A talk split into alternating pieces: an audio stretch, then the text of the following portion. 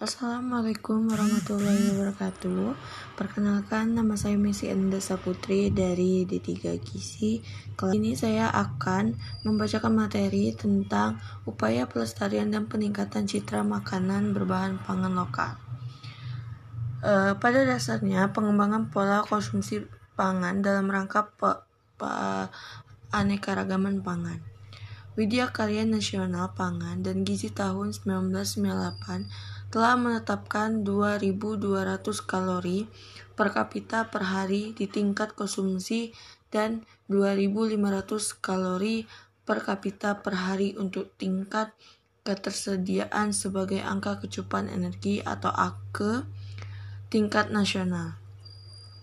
Untuk mengetahui pola konsumsi masyarakat baik nasional maupun regional, Ake tersebut perlu diterjemahkan ke dalam satuan yang lebih dikenal oleh para perencana pengadaan pangan atau pengelompok bahan pangan. Secara konseptual, keanekaragaman pangan dapat dilihat dari komponen-komponen sistem pangan, yaitu keanekaragaman produksi, distribusi, dan penyediaan pangan serta konsumsi pangan.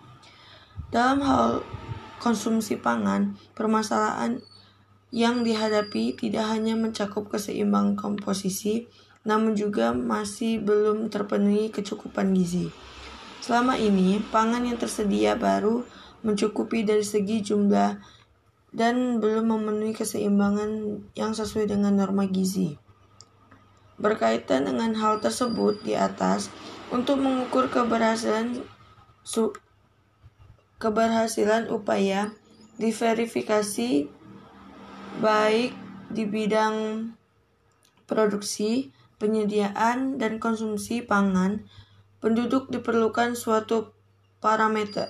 Salah satu parameter yang dapat digunakan untuk menilai tingkat keanekaragaman pangan adalah pola pangan harapan atau PPH dengan PPH diketahui tidak hanya pemenuhan kecukupan gizi, tetapi sekaligus juga mempertimbangkan keseimbangan gizi yang didukung oleh cita rasa, daya cerna, daya terima masyarakat, kuantitas, dan kemampuan daya beli.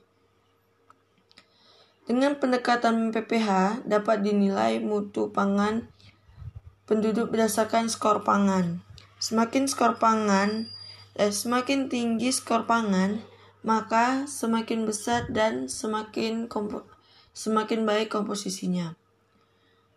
Selama ini, informasi tentang situasi pangan atau pola konsumsi pangan baru mencakup pangan pohon pokok saja, sehingga bisa memberikan gambaran lengkap tentang kualitas konsumsi pangan penduduk Informasi ini merupakan cerminan kebiasaan makan dan sangat penting untuk memprediksi permintaan pangan serta mengetahui faktor-faktor yang mempengaruhi pola konsumsi seperti pendapatan, ketersediaan pangan di tingkat wilayah, sosial budaya, dan frekuensi masyarakat. Pengembangan pola konsumsi pangan ditujukan pada keanekaragaman pangan yang berasal dari bahan pangan pokok dan semua bahan pangan lain yang dikonsumsi masyarakat, termasuk lauk pauk, sayuran, buah-buahan, dan makanan kudapan, berbasis pada pada kondisi dan potensi daerah atau wilayah tersebut. Setiap daerah mempunyai mempunyai gambaran pola konsumsi dengan menu spesifik dan sudah membudaya serta tercermin di dalam tatanan menu sehari. Akan tetapi, menu yang tersedia biasanya kurang memenuhi norma kecukupan gizi, sehingga perlu ditingkatkan kualitasnya dengan tidak merubah karakteristiknya agar tetap dapat diterima oleh masyarakat setempat.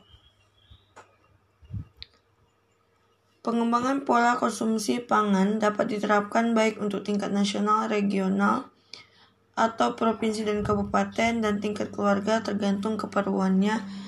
Sedangkan penilaian dapat dilakukan secara dua sisi yaitu sisi kuantitas dan kualitas.